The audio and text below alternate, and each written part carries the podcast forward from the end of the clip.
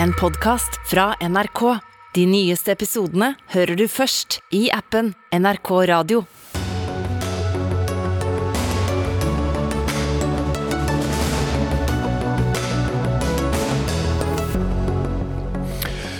Kraftbransjen er allerede i ferd med å skrinlegge investeringer etter de varslede skatteendringene fra regjeringen. Sier det ikke lenger er lønnsomt å bygge ut. Stridsdyktige russere fortsetter å forlate moderlandet, men hvor skal de egentlig dra? Finland stengte i dag grensen. Vil Norge følge etter, spør Dagsnytt 18. Ordkrig mellom Arbeiderpartiet og kommunenes arbeidsgiverforening KS. Partiet insisterer på at kommunene trenger en stor rengjøring, så de slutter å handle med useriøse aktører. Det er en overdreven ordbruk, ifølge KS. Og er det mulig å ta igjen det tapte når elevene nå returnerer til skolen etter streiken? Nordland fylkeskommune vurderer tiltak som intensivkurs og leksehjelp, og møter protest hos Elevorganisasjonen. Ja, Da ønsker vi velkommen til Dagsnytt 18 torsdag. Jeg heter eh, Espen Aas. Flere aktører i kraftbransjen varsler at de kan komme til å kutte i investeringene sine etter forslaget til regjeringen fra i går om økt skatt til vannkraftprodusentene. Forslaget betyr både skatt på naturressurser, altså det som heter grunnrenteskatt, og en ekstra skatt på høyere strømpriser. Og ett døgn etter at skatteforslaget kom, valgte kraftgiganten Lyse i Stavanger å skrinlegge investeringer på 5 milliarder kroner. Og hvordan kunne dere ta en så dramatisk beslutning på så kort tid, administrerende direktør Eimund Nygaard? Det er ikke vanskelig, fordi at vi hadde akkurat hatt uh, dette prosjektet oppe uh, og vedtatt det for en måneds tid siden, og vi visste hva som skulle til for, for at det skulle ha tilstrekkelig lønnsomhet. For, for, men, men, utgangspunktet her er jo at vi trenger lavere priser. Alle er opptatt av å få lavere priser. For det vi kan påvirke mest for å få til det, det er å få mer kraft. og Derfor er vi og hele kraftbransjen veldig opptatt faktisk av å bygge mer kraft. og Derfor er dette så, så leit at vi kom til den situasjonen vi er. Mm. Men, men, bare for å stoppe, altså Dere hadde jo da et eh, kraftig overskudd etter eh, de første seks månedene i år, og likevel så er det da et utbyggingsprosjekt på ja, 5 milliarder, som er en liten del av det overskuddet som må, må skrinlegges. Hvorfor det? På ingen måte. Det er et svært prosjekt med en veldig lang byggetid. må huske på at Når vi vedtar sånne prosjekter, så skal de vare i 50-100 år. Og, og, det tar lang tid å planlegge. Og, og Når det gjelder overskuddet for for første halvår så er det rett at det var bedre enn det har vært tidligere. Eh, med de nye skattereglene eh, som, kom, som forslaget som kom i går, eh, så er det langt fra det, for da har staten tatt tilbake det meste. Mm. Stortingsrepresentant og medlem av energi- og miljøkomiteen på Stortinget, Ole André Myhrvold fra Senterpartiet. Når vi trenger økt satsing på kraft, hvorfor er det en god idé å gjøre så bransjen ikke bygger ut? Det er vi helt enig i, at vi trenger mer kraft. Og den endringen som nå ble gjort i grunnrenteskatten, den bør ikke påvirke det, fordi at grunnrenteskatten er i utgangspunktet en nøytral skatt. Og den har fungert godt for eh, petroleumsnæringa på den måten at staten er med og tar på en måte investeringskostnaden. Eh, første året så kan man da være med på å, å, å avskrive investering, og staten er med å ta risiko. Og så, når dette begynner å bli lønnsomt, så vil jo da skatt, skatten slå inn, sånn at staten får sin andel. Mm. Så nå snur jo Lyse, Hafslund i Oslo varsler at det kommer til å påvirke ja, ja. noe. En rekke andre aktører sier at dette ja. gjør at vi ikke kan investere som planlagt. Jeg ber om at de går tilbake og regner en gang til. Eh, og jeg syns også det er noe med eh, settingen her. Nå har vi altså hatt et år med skyhøye strømpriser bak oss, der eh, forbrukere og næringsliv har eh, betalt eh, høye strømregninger. Nå gjør vi noen grep som gjør at vi omfordeler noe mer av den kaka, men overskuddet vil jo fortsatt være stort. og Jeg tviler på at noen av de prosjektene man har tidligere da vedtatt å sette i gang, har vært kostnadsberegna med de kraftprisene vi har hatt det siste året. Mm. Så hvis vi får en noe lavere kraftpris, f.eks. ned mot 70 øre, som har vært nevnt som et, et eksempel, så bør det fortsatt være god lønnsomhet i det her. Nygaard. Jeg kan forsikre deg om at vi har regnet veldig nøye gjennom dette. Og jeg kan forsikre deg om at eh, det ikke var grunnrenteskatten isolert sett som, eh, som, gjorde at dette ikke ble lønnsomt. Grunnrenteskatten er som du sier, eh, nøytral i forhold til investeringer, selv om den fratar oss midler over tid til å bygge kapital for virkelig å bygge mer kraft.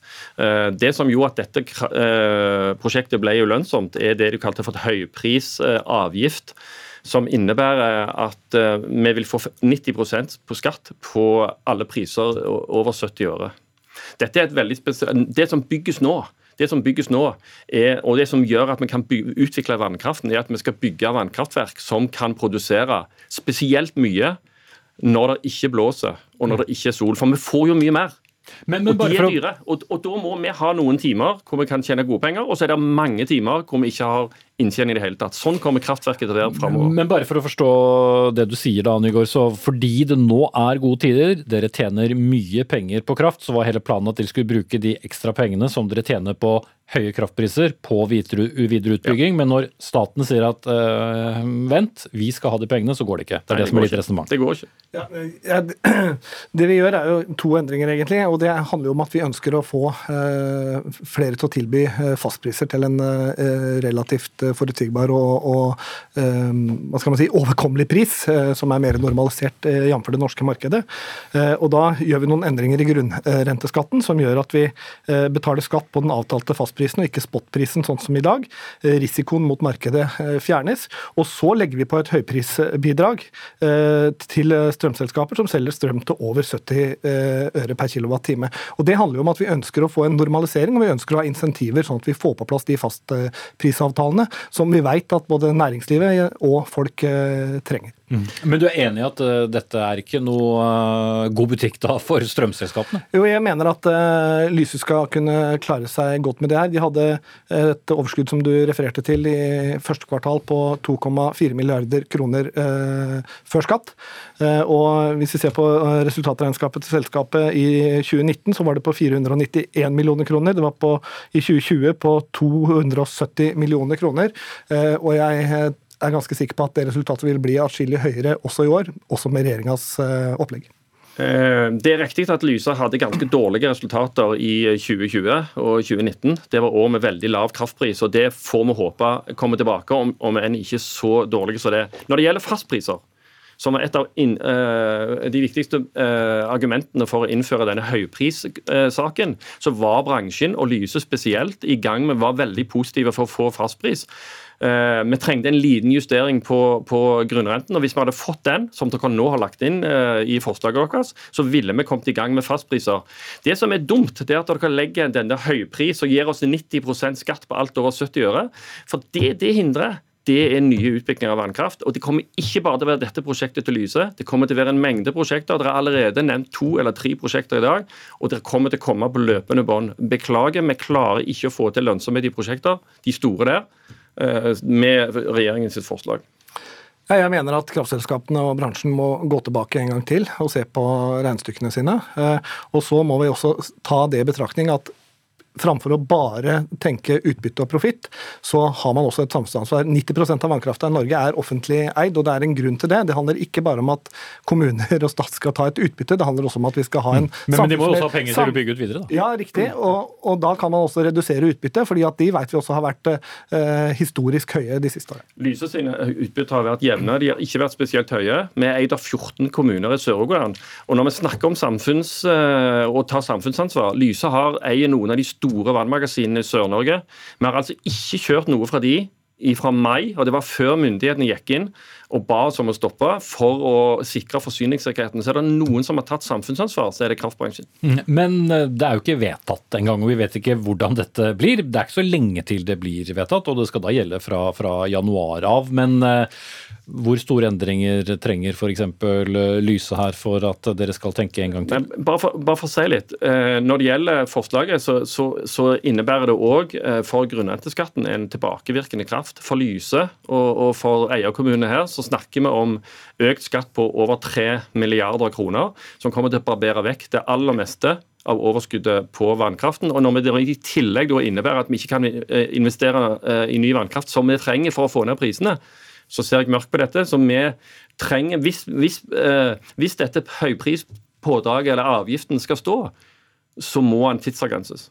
Kort til slutt, Ja, Myhrvold. Eh, og dette er jo eh, et eh, høyprisbidrag som er skapt for de høye, eksepsjonelt høye prisene vi har hatt det siste året. Så jeg ser ikke for meg at det er en varig ordning. Men det er en ordning for å få på plass fastprisavtaler og for å omfordele mer av den eventyrlige prisen som vi har sett de siste, de siste månedene. Ok, Da takker jeg dere av, mine herrer. Ole André Myhrvold fra Senterpartiet og Eimund Nygaard, administrerende direktør i Lyse, og henter inn kommentator Hilde Øvrebekk i Stavanger Aftenblad. Du skriver om denne nye skatteordningen i dag og kaller den kort og godt lite gjennomtenkt. Hvorfor? Ja, du hører jo hva Eivind Nygaard sier her. Og så, eh, så, hører du hva resten av kraftbransjen òg har sagt i går og i dag. Eh, og som de nevnte, eh, er det jo en rekke prosjekter, ikke bare Lyse sine prosjekter, men òg en rekke andre kraftselskaper som sier at dette kommer til å påvirke i veldig negativ grad utbygging av fornybar energi. Og så vil jo òg da Ehm, påvirke den eh, sjansen som disse selskapene har til å, eh, å gi eh, bedrifter en fastprisavtale etter nyttår, nå så er målet til regjeringen. Men samtidig så er det jo riktig at kraftbransjen har jo uh, hatt uh, noen kraftige overskudd og hatt uh, sine beste måneder på, på, lang tid. Så er det så rart at regjeringen tenker at mer av dette kan komme fellesskapet til gode? Ja, men så var det jo sånn at uh, her i Rogaland så er det jo uh, ekstremt høye priser for tiden. Og dette utbyttet fra Lyse uh, hadde jo kommunene her i Rogaland, de 14 eierkommunene, egentlig planlagt å ta ut som ekstraordinært utbytte. Og gi tilbake til bedrifter som sliter nå, som er på randen av konkurs. det kommer ikke til å skje nå. Nå kommer pengene som havner i potten staten hos staten istedenfor. Eh, og det har jo ført til eh, at en rekke Ap-ordførere her lokalt har gått ut mot dette forslaget. Mm. Jeg skulle komme til nettopp det poenget, for eh, det er ja, under et år til det er lokalvalg. Vi, har, vi hadde den omdiskuterte lakseskatten oppe til debatt her i Dagsnytt 18 i går. Nå er det kraftskatten som også er omstridt mange steder. Hvordan kan dette skade regjeringen, slik du har sett reaksjonen i eget fylke i dag? Jeg tror det vil uh, skade uh, ja, lokalvalget lokalt, både Ap og Senterpartiet. Men uh, så tror jeg òg at Ap, sånn som, de, sånn som, de, har gått ut mot regjering nå, lokalt så vil de jo helst stå seg på å da skape en motstand mot regjeringen, sin egen regjering, som er da òg paradoksalt. Men jeg tror at det er veldig mange her i Rogaland som føler at dette var liksom det siste stikket fra eh, regjeringen sentralt for å ta pengene og overføre dem fra kommunene til staten. Mm. Dette er tross alt eh, eh, et utbytte som kunne blitt brukt til å redde en rekke bedrifter lokalt. Takk skal du ha, kommentator Hilde Øvrebekk i Stavanger Aftenblad. Og så blir det mer debatt om både kraft og laks hos Atle Bjurstrøm i debatten på NRK1 klokken 21.20, hvor også finansminister Trygve Slagsvold Vedum kommer.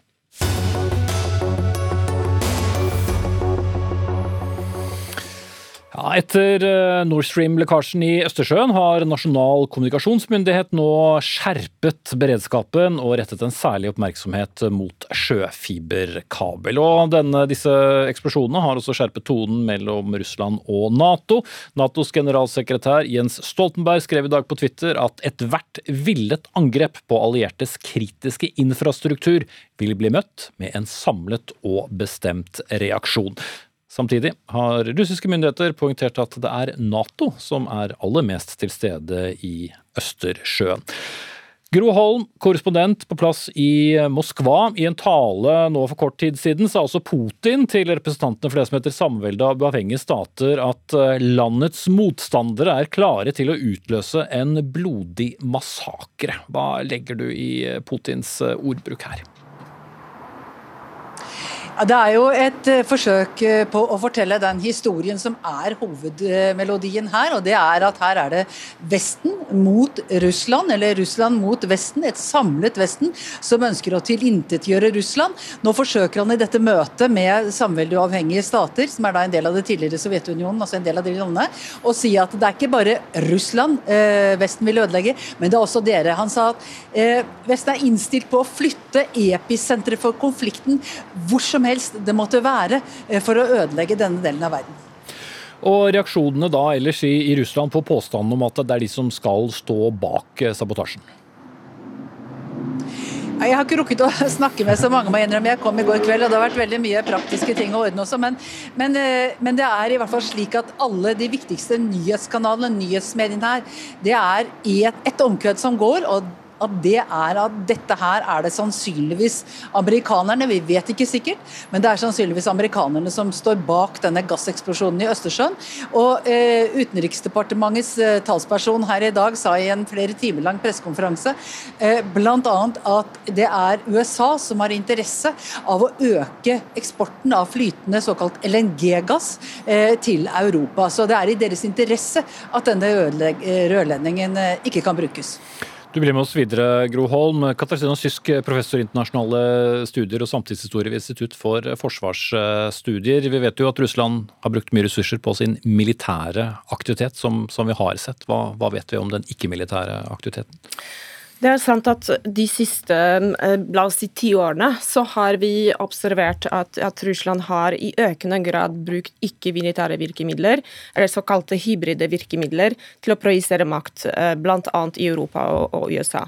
Og Det kan dreie seg om cyberangrep, det kan dreie seg om fake news og, og um, ja, propaganda, ikke sant. Men vi har også sett paramilitære operasjoner i utlandet, bl.a. f.eks. i 2016 så var det et eh, forsøkt statskupp eh, gjennomført av den russiske militære etterretningstjenesten GRU i Montenegro. Eh, og her det, det, er flere eksempler som, som, tyder på at Russland har vært fokusert på å utvikle den type asymmetriske og indirekte virkemidler til å nettopp projisere makt.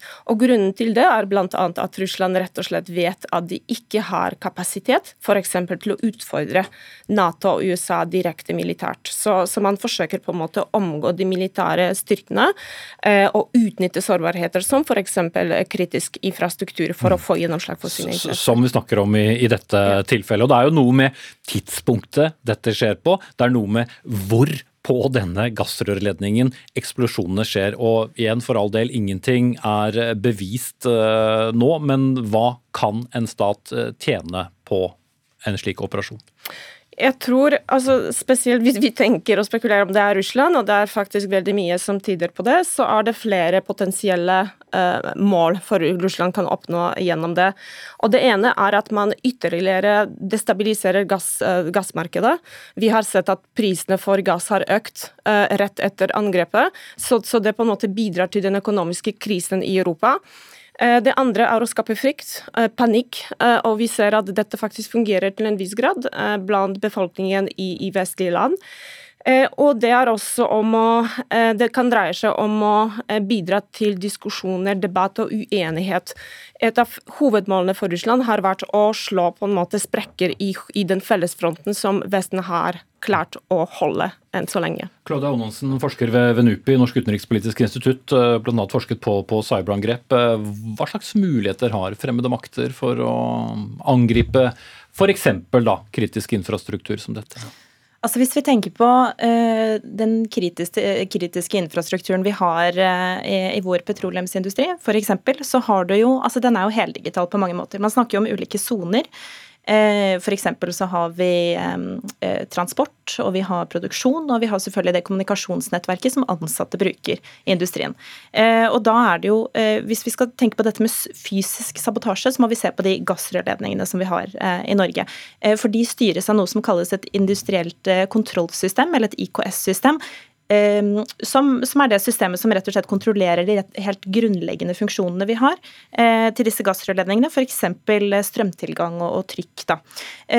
Men det er jo disse som er potensielt sårbare fordi at de er digitale. og kan, altså et, et cyberangrep på dette kan føre til at vi mister kontrollen over de helt grunnleggende funksjonene. Mm.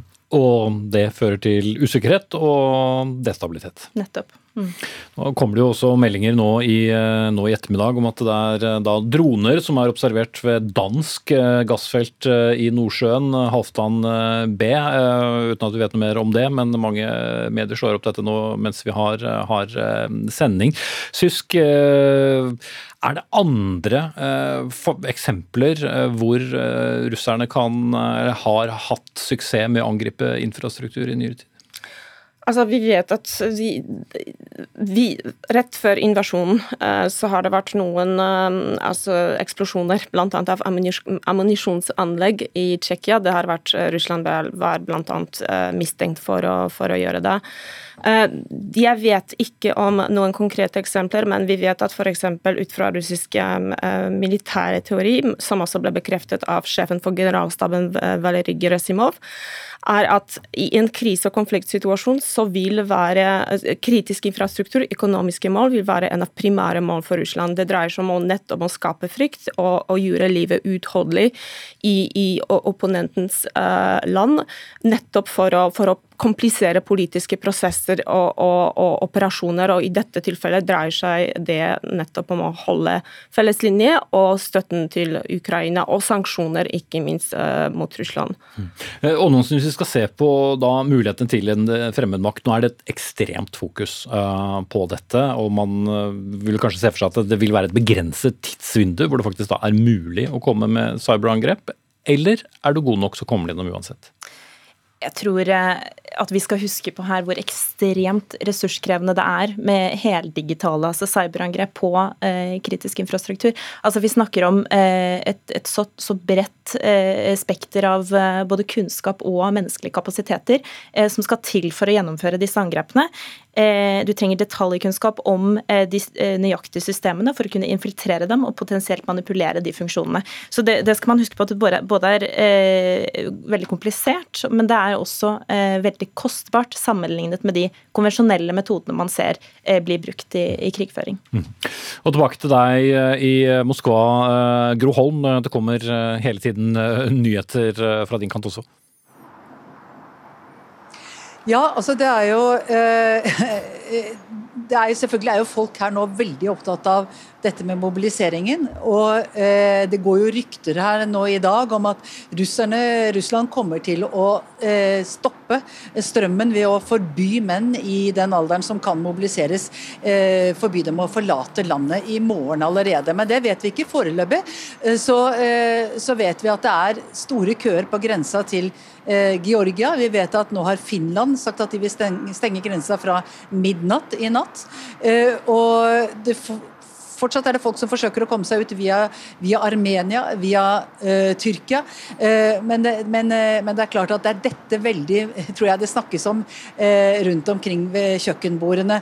kanskje mer enn tvangsinnlemmelsen av de fire ukrainske fylkene i morgen, som jo også fra myndigheten, myndighetenes side blir en stor, stor begivenhet med stor konsert på Den røde plass. Og Putin skal da tale klokka to norsk tid i morgen om dette. Og mens vi snakker, eh, Gro Holm, så sier også FNs eh, generalsekretær Antonio Guterres at uh, russiske planer om denne annekteringen da, av disse statene som du, som du, nevner, da er en videre eskalering av, av, konflikten, og som da skal markeres videre i morgen.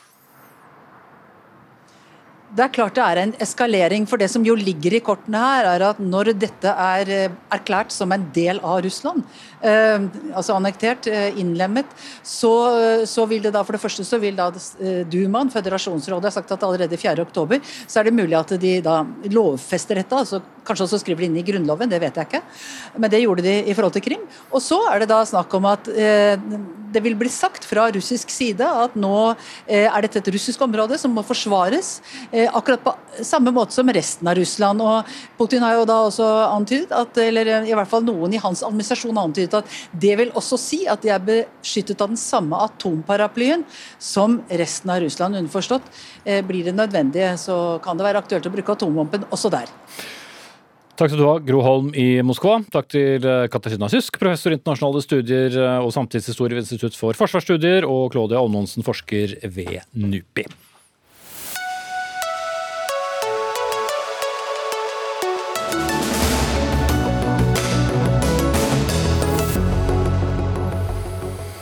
Senere i Dagsnytt 18 kan et fylke vedta egen asylpolitikk dersom de er uenig med den nasjonale politikken. Det er iallfall Vestland fylke i gang med, men ikke uten protester fra nettopp eh, Frp. Debatt mot slutten av eh, sendingen. Men eh, vi skal for så vidt innom noe av den samme tematikken.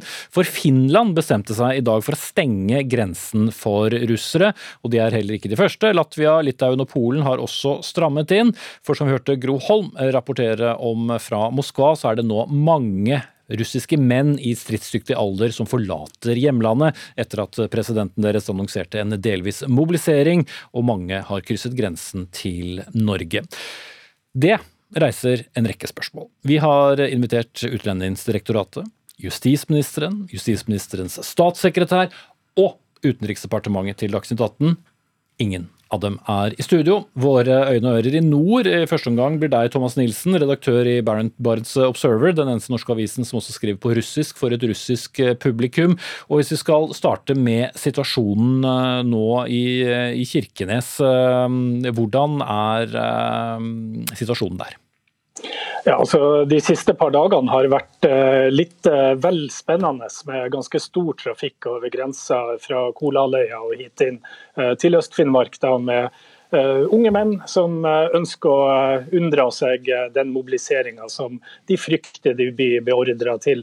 Så Siden forrige, forrige, onsdag har det kommet et ganske bredt spekter med forskjellige mennesker over grensa. Dette er jo alltid fra tidligere militære Eh, til eh, journalister som er på flukt, eh, andre opposisjonelle som frykter at de skal bli sendt til slaktemaskiner i Øst-Ukraina. Mm. Og Som vi nevnte innledningsvis, Nilsen, så skal også Finland langt på vei stenge sine grenser fra og med i morgen. Kan det påvirke antall som kommer inn til Norge? Ja, Det tror jeg i aller høyeste grad vi skal være forberedt på. De eh, som har kommet over grensa, som vi i Barents Observer har intervjua og snakka med de siste par dagene, de eh, opererer på sosiale medier. De følger veldig godt med på hvor det er mulig å komme seg ut. Vi har hatt eksempler på folk som har kryssa grensa her, som egentlig hadde tenkt seg over til eh, Georgia og Sør-Osetia den veien, men når de oppdaga at det var flere dager lang kø der, så tok de seg heller nordover til Murmansk Murmansk og eh, betalte en ganske dyr pris for eh, en taxi eh, inn til grensa til Norge. Så Det at Finland nå stenger fra midnatt, det tror jeg det er mange som har fått med seg. og Finland har jo hatt en mye større trafikk over skigrense enn det vi hadde til Norge. Men det er gode veier nordover. Vinteren har ikke kommet enda, og på en 11-12-13 timers kjøretur fra St. Petersburg-regionen så er man oppe ved norsk grense. Så Det tror jeg vi kommer til å se allerede i morgen. Mm. Som du har vært inne på her, Nilsen, så er jo dette da en, en god del menn i stridsdyktig alder, eller de er, er eh, journalister. Og eh, kanskje da folk som eh, tenker at Russland ikke lenger er trygt, dersom de vil uh, unngå f.eks. en tvungen militærtjeneste. Men kan det også være andre som ikke har så mye behov for beskyttelse?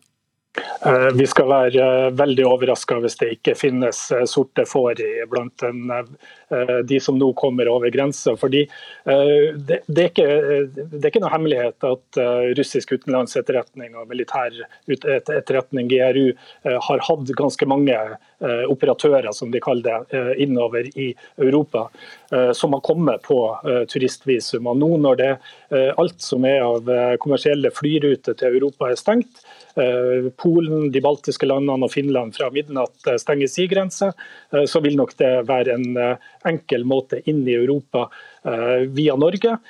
Norge er jo også et land som i løpet av de siste par dagene antakelig er mye mer interessant for etterretningsoperasjoner, påvirkningsoperasjoner, mulige sabotasjeoperasjoner. Og eh, for å være øyne og ører eh, hjem til Moskva mm. eh, nå de siste tida. Og Hva justismyndighetene tenker om det, får vi altså ikke noe svar på nå. Pål Nesse, generalsekretær i Norsk organisasjon for asylsøkere.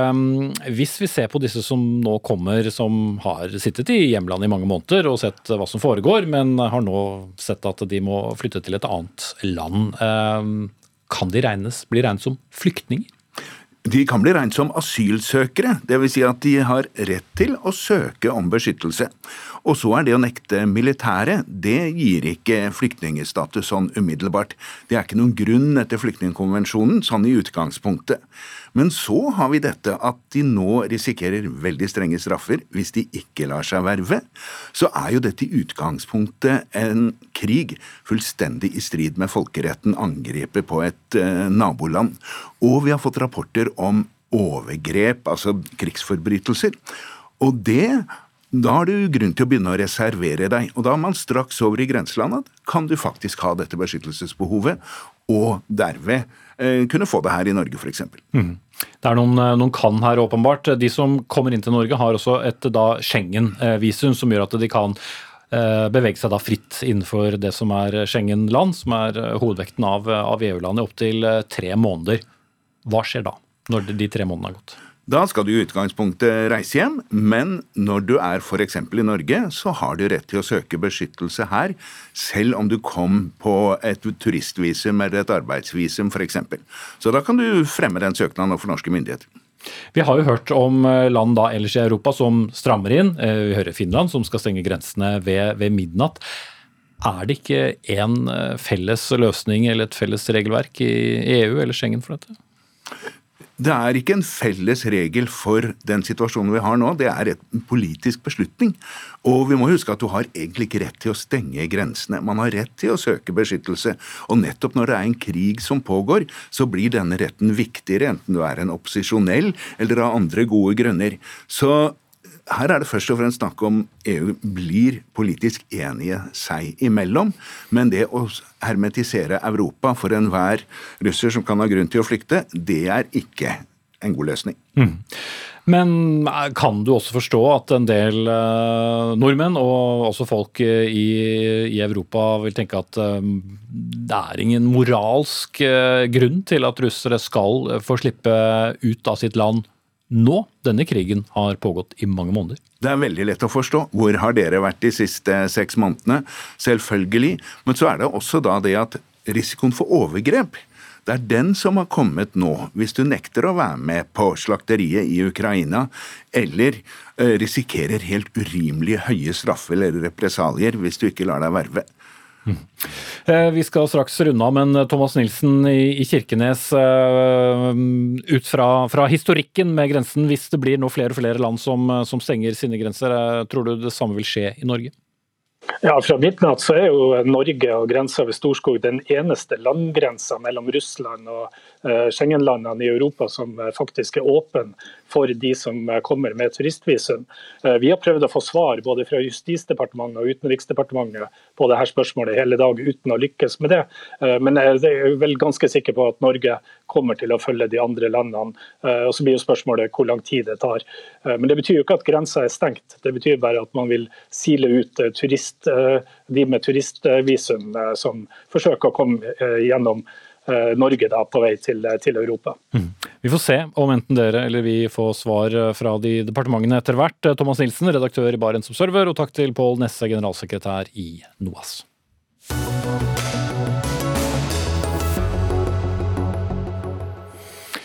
Hvordan skal elevene som ble rammet av lærerstreiken komme i gang igjen og også ta igjen noe av det tapte fra de ukene de ikke fikk skole? Ja, dette er et spørsmål som stilles av mange, ikke minst av foreldre, lærere og mange eksperter. Mange elever rundt omkring i landet startet altså først på skolen denne uken. Og Nina Ellingsen Høiskar, du er fylkesdirektør for utdanning og kompetanse i Nordland, og dere har satt i gang en arbeidsgruppe som skal se på ulike tiltak. Hva er det dere vurderer for elevene? Ja, eh, vi, vi, prøver rett og slett å se på hva kan vi nå gjøre for å ta igjen, ikke ta igjen, for det klarer vi jo ikke å gjøre, men for å legge til rette for at resten av skoleåret blir så bra som mulig for elevene. Og det vi har gjort, da, det er å sette sammen en arbeidsgruppe som eh, består både av folk fra skolene, ledere og elev- og lærlingtjeneste. Vi skal også ha med lokale tillitsvalgte. Og vi ser da på hva kan vi gjøre av målretta tiltak eh, som kan hjelpe elevene til å eh, så godt som mulig gjennomføre dette skoleåret. Mm. Men, men, underforstått, det vil ikke være nok å bare komme i gang igjen nå med vanlig skole? Ja, altså Vi har jo fokus på nå å komme i gang med vanlig skole.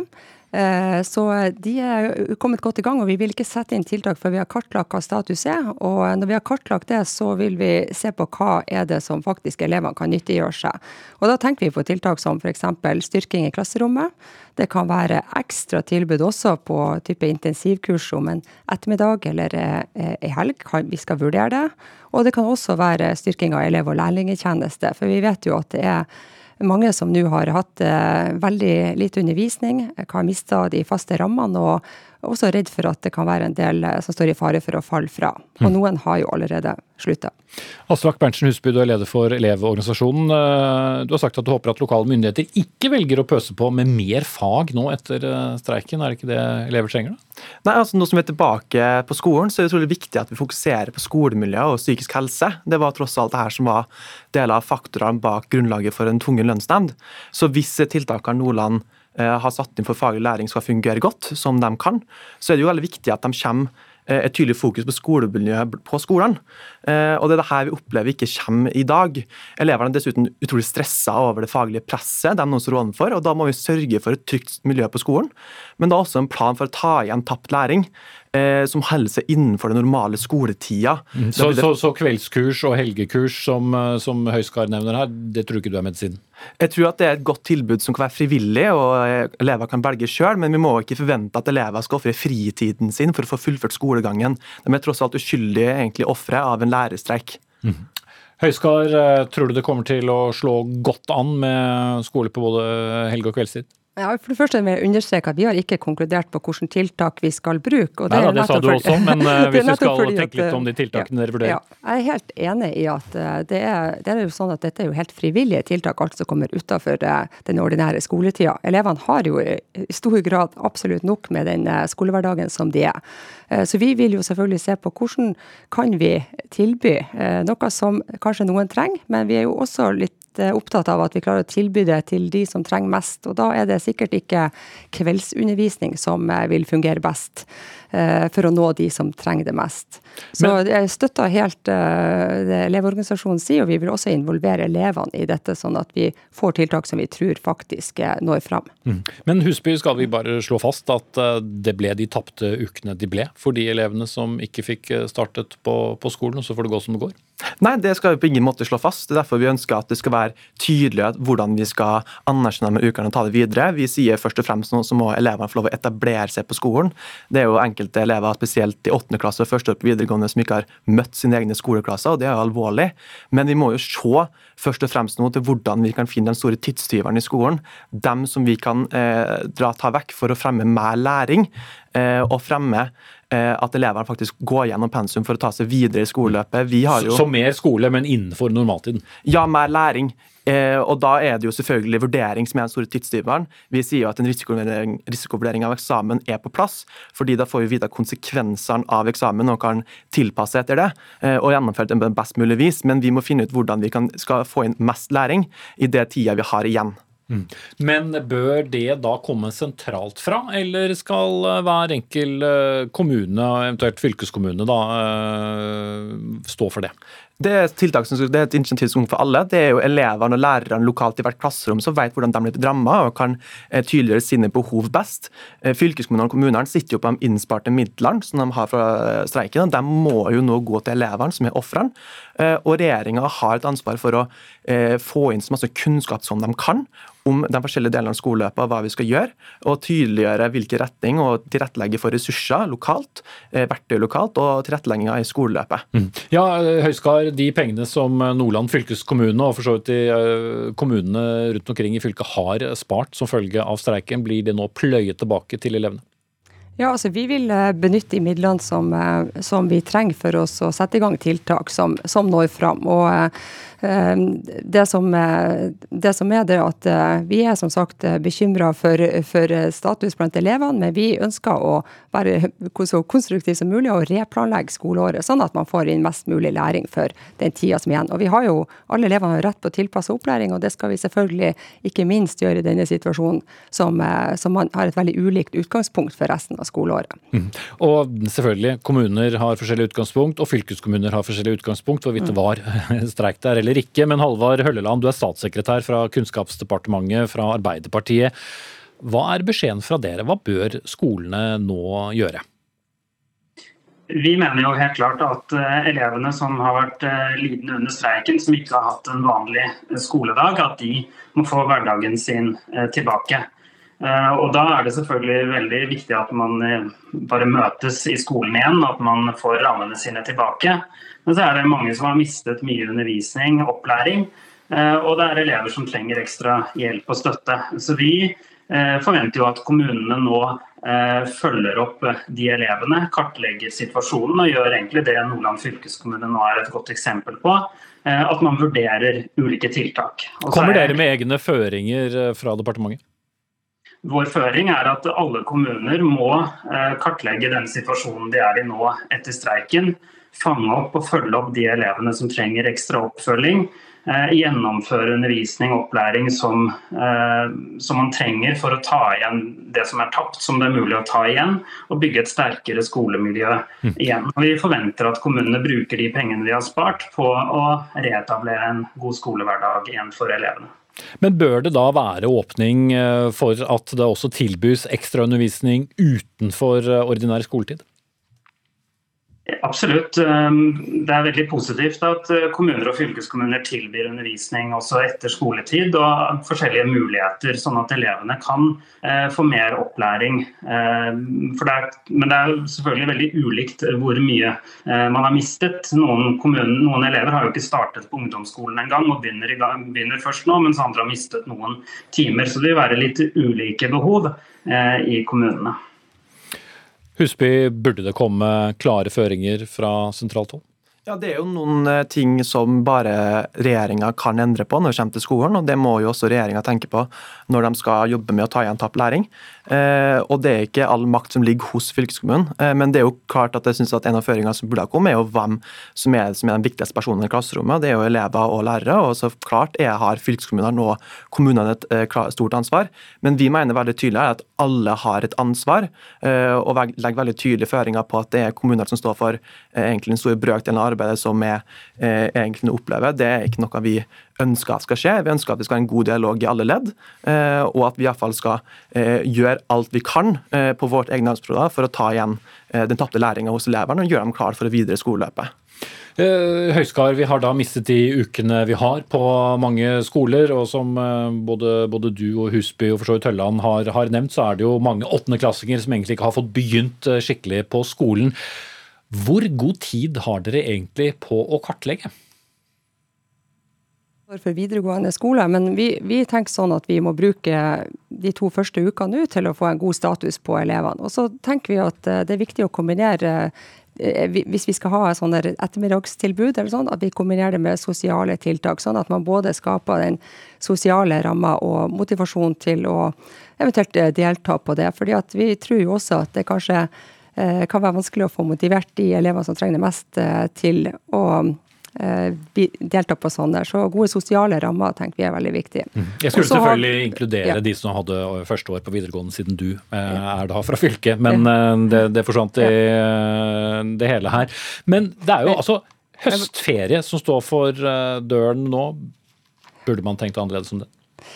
Nei, Jeg tror at uh, den høstferien kommer uh, såpass uh, raskt på at vi har nok med oss å få kartlagt tida. Og det er sikkert sånn at elevene og foreldre har planer for høstferien sin. Så jeg har ikke så stor tro på at det vil være et, et relevant tiltak. Men vi ser gjerne, og da har vi spilt inn også fra fylkeskommunenes side, at vi ser gjerne at det kommer noen felles eh, føringer eller eh, si, anbefalte tiltak som, som vi kan eh, se til når vi planlegger våre lokale. For det er ikke noe tvil om at vi må tilpasse lokalt, men, men det, det, er positivt å, å, kunne få noen felles føringer. Mm. Og det er kanskje også litt noen, noen, tiltak som kunne vært vurdert, og det er jo dette med å kanskje få mulighet til å Eh, tilsette eh, pensjonerte lærere, f.eks., eller lærerstudenter uten eh, at sånn som vi hadde under korona, med, med der muligheten for at de ikke får avkorting når de, når de da eh, jobber for å bidra ekstra, f.eks. Okay. med leksehjelp.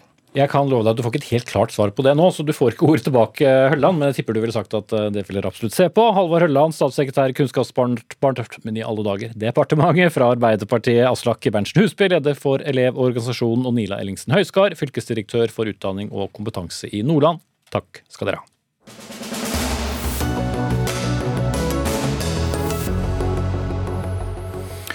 Jeg skal bare ta med en melding før vi går over til neste tema. Fordi Høyre og Fremskrittspartiet vil nå stenge norskegrensen mot Russland, eh, og har bedt justisministeren om å orientere Stortinget om situasjonen. Foreløpig har da ikke justisministeren kommentert dette. Neste tema. Hvis du er eh, papirløs i Norge, det være seg russer eller fra et annet land, så kan det nå være ett fylke i kongeriket som fremstår som mer attraktivt enn andre. Vestland fylke. For fylket bryter nå med asylpolitikken nasjonalt og innfører egen politikk for det som heter papirløse migranter i Vestland fylke. Det er eh, et forslag som er blitt eh, stemt gjennom, og Natalia Antonia Golis, du er varaordfører i Vestland fylkeskommune for partiet MDG, mm, eller Miljøpartiet De Grønne. da. Eh, hvorfor trenger Vestland en egen asylpolitikk? Det er fordi vi har grupper i vår egen region som ikke ikke får eh, grunnleggende menneskerettigheter. Og vi ser at vår region eh, kan faktisk spille en avgjørende rolle for utrolig sårbare grupper. Jeg eh, er utrolig stolt av hva regionen vår har gjort i dag tverrpolitisk, og vi ser at sammen så har vi bereda grunnen nå for å se på alle de mulige områdene vi kan bidra kortsiktig og langsiktig med de ansvarsområdene de har, enten det er Eh, tilgang til primærhelsetjenester, som er en menneskerettighet, eller om det er tilgang til utdanning. Så dette er en utrolig stolt dag å få lov å være en eh, fylkesvaraordfører i Vestland fylke. Men hvor lang er veien fra å drive politikk til å være aktivist, fordi det dere gjør nå er ikke den politikken som Stortingets flertall ønsker alle land vil ha nasjonale regler og politikk for asylpolitikken sin eller innvandringspolitikk, men menneskerettigheter ved konflikt vil alltid trumfe det. Så det Vestland gjør nå, at vi viser medmenneskelighet og vi løfter grunnleggende menneskerettigheter for disse menneskene. De er i vår region, og de skal ha tilgang til de grunnleggende rettighetene. Og Det gjør de i våre naboland. I England, i Sverige, i Nederland så har de tilgang til primærhelsetjenester, f.eks. Og det er slik at hvis du er i regionen regionen vår, så mener vi at du skal ha de rettighetene på plass. Erlend Wiborg, stortingsrepresentant fra Fremskrittspartiet. I Vestland så var det bare ditt parti som stemte mot dette vedtaket, men å oppfylle helt grunnleggende rettigheter som eh, helsehjelp, eh, er det galt? Ja, for det er problematisk at eh, Vestland her vedtar en helt egen asyl- og innvandringspolitikk i strid med det Stortinget har vedtatt. For vi må ha én en enhetlig politikk eh, i Norge. Vi kan ikke ha sånn at hver kommune og hver fylkeskommune selv avgjør dette. Men så må jeg eh, arrestere fylkesvaraordføreren på et par direkte faktafeil. Det ene er at det er ikke papirløse vi snakker om. Her snakker man om illegale asylsøkere som har fått behandlet sin søknad i Norge og fått avslag på søknaden og de har anket og også fått avslag, og de har da en plikt til å forlate landet. Men vi snakker da om mennesker som bryter det eh, pålegget de har fått om å forlate landet, oppholder seg illegalt i Norge. Og da har de kun rett på akutt helsehjelp, det skal alle ha. Men eh, at de da skal begynne å få rettigheter som alle andre i samfunnet når de oppholder seg ulovlig, det mener jeg er feil. Og det har også Stortinget senest nå før sommeren fikk, eh, da slo Arbeiderpartiet, Høyre, Senterpartiet og Fremskrittspartiet fast at, det, hvordan reglene skal være. Og da at MDG og Rødt nå får med seg Arbeiderpartiet og Høyre og Senterpartiet i Vestland med å bryte den politikken, det syns jeg er veldig uheldig. Svaret den, Golis? Ja, først vil jeg bare understreke at dette er et bredt tverrpolitisk vedtak. Ja, da, Det er poengtert også fra ja. Wiborg at det var ja. alle de partiene. Ja. Og så vil jeg si at eh, Norge har blitt kritisert flere ganger av FN for å nettopp bryte disse menneskerettighetene ved å ha tilgang til primærhelsetjenester og, og, mulighet for å leve et liv. Og så er det slik at Menneskerettighetene vil til enhver tid i konflikt gå foran. Og Mennesker bor lokalt, de bor i kommuner, vi bor i fylkeskommuner. og det har faktisk vært kommuner som har blitt dømt for brudd på menneskerettigheter, f.eks. i barnevernssaker. Så vi har faktisk et eget ansvar å se til at disse menneskene som bor i vår by, i vår region, blir oppfylt på de områdene her. Så Wiborg, da er spørsmålet om eh, man skal mm. lytte til FN eller Stortinget? Nei, For det første så er det sånn når før sommeren så ble dette grundig vurdert, også opp mot menneskerettighetene. Og da var norsk politikk helt innenfor menneskerettighetene ved at eh, alle har selvfølgelig krav på akutt helsehjelp. Det skal alle ha, uavhengig om du oppholder deg illegalt eller ikke. Men når eh, Arbeiderpartiet, MDG og Høyre og Senterpartiet og de andre i eh, Vestland nå velger å skulle gi de utvidede helsehjelp, en helsehjelp som mange nordmenn må stå i kø for å få, Eh, forslaget gikk vel også ut på at man ønsker å tilby skole og mange andre tjenester. Og Fremskrittspartiet mener at det er helt galt. Det uthuler asylsystemet. For hvis du først har fått avslag på din søknad, og etter uendelige ja, Det nevnte du i stad, så jeg bruker de siste halvannet minuttene til vedtaket. Wiborg, eh, for jeg vil spørre deg, Golis, eh, skal da Vestland bli en sånn slags fristat, hvor man med avslått asylvedtak kan flytte og få helt andre tilbud enn du får i resten av landet? Absolutt ikke. Mennesker på flykt eller i en sårbar situasjon er de samme overalt. Og så vil jeg bare jo, men De får jo forskjellige tilbud da, hvis dere vedtar eh, annen politikk enn det de andre fylkene flere, har? Jeg håper dette er til inspirasjon for flere fylkeskommuner og kommuner til å gå foran, og ikke minst til å presse Stortinget og regjering til å vedta nasjonal politikk som ivaretar grunnleggende menneskerettigheter for de som bor i vår region akkurat nå, og som er her. Og så er det slik at det å ha tilgang til helsehjelp Vi vil ikke tillatt noen andre folkegrupper i samfunnet vårt til at vi skal få helsehjelp fra frivillige. Slik kan vi ikke ha det. Jeg er veldig takknemlig for den jobben de frivillige gjør, men det er ikke deres ansvar. Det er et nasjonalt og et statlig ansvar. Det har ikke blitt gjort. Derfor tar vi i Vestland ansvar sjøl og setter i gang og ser på hvilke tiltak vi kan bidra med. Hvem skal betale for det? PT så er det våre ansvarsområder, så da må vi selvfølgelig se på hva vi kan tilby i det som er de fylkeskommunale områdene. Om det er tannhelse, eller om det er opplæring, eller en annen type støtte til de frivillige organisasjonene. Det tenker jeg er en menneske plikt vi har mot disse sårbare personene i vår region. Mm.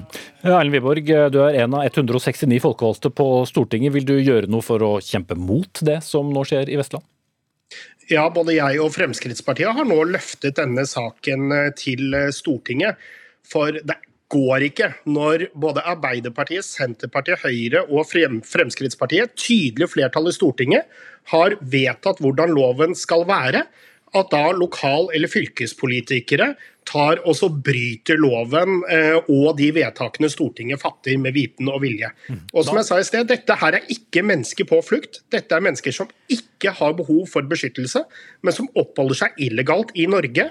Og at da okay. norske skattebetalere skal måtte finansiere tjenester til personer som illegalt oppholder seg i Norge. Da er det gjentatt sammen med altså alle partiene som sto bak vedtaket, som var alle unntatt eh, Frp. Erlend Wiborg, du er stortingsrepresentant, og Natalie Antone Golis, varaordfører i Vestland fylkeskommune fra MDG.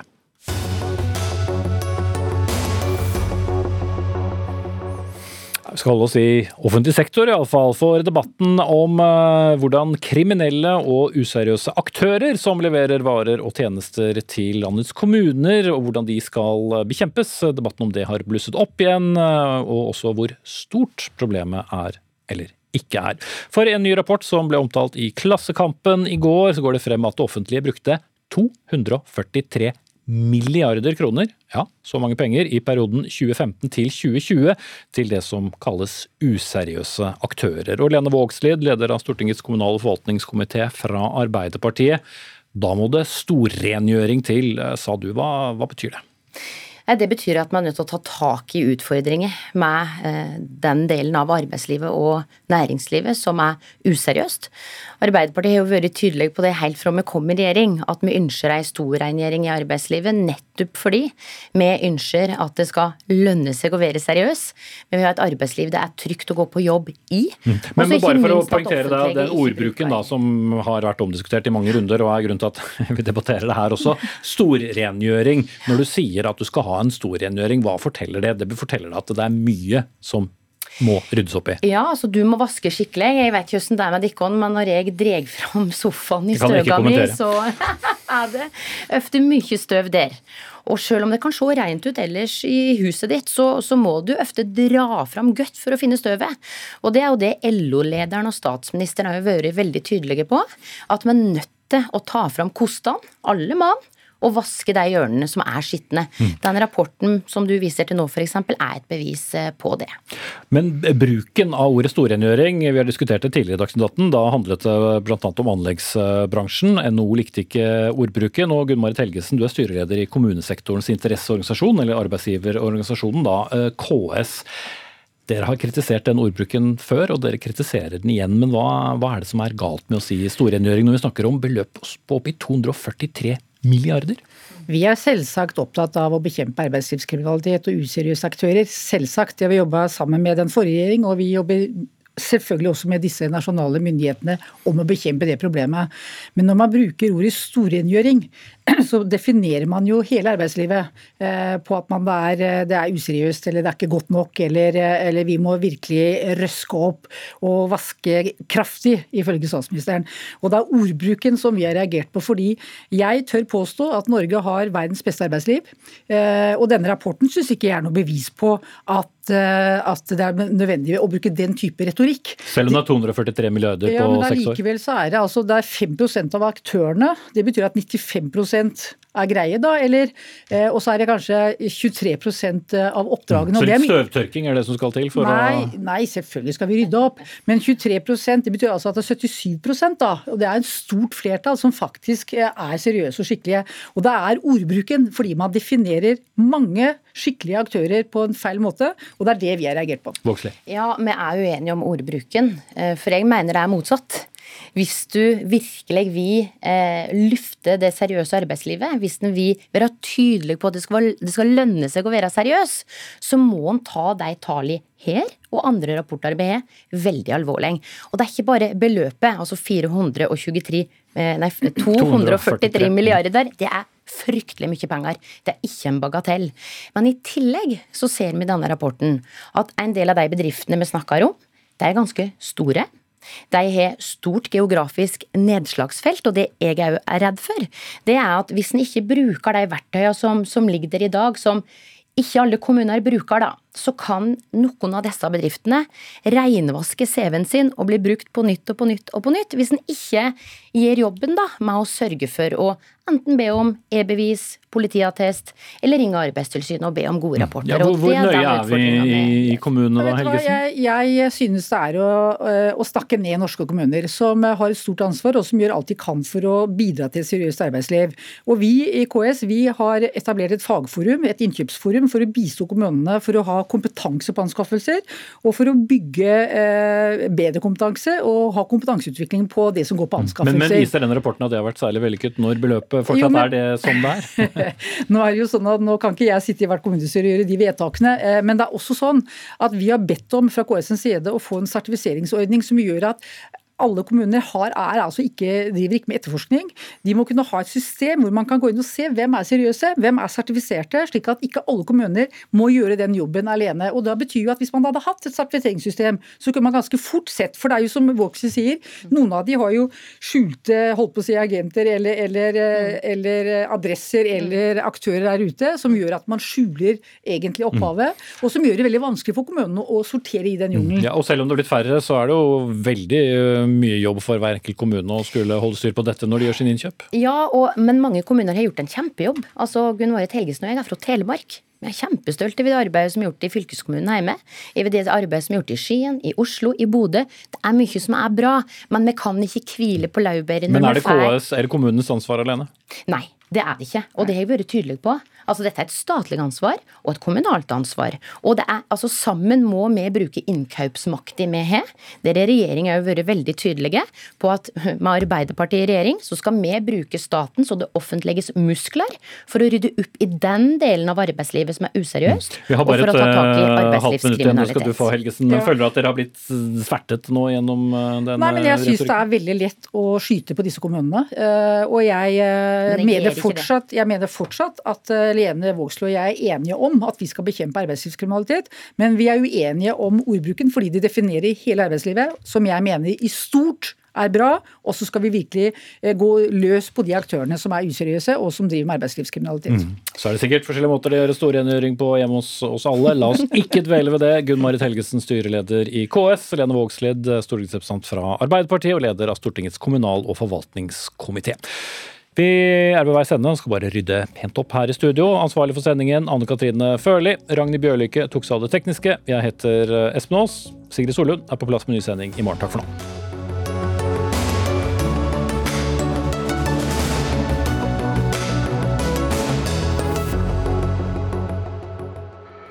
Du har hørt en podkast fra NRK. De nyeste episodene og alle radiokanalene hører du i appen NRK Radio.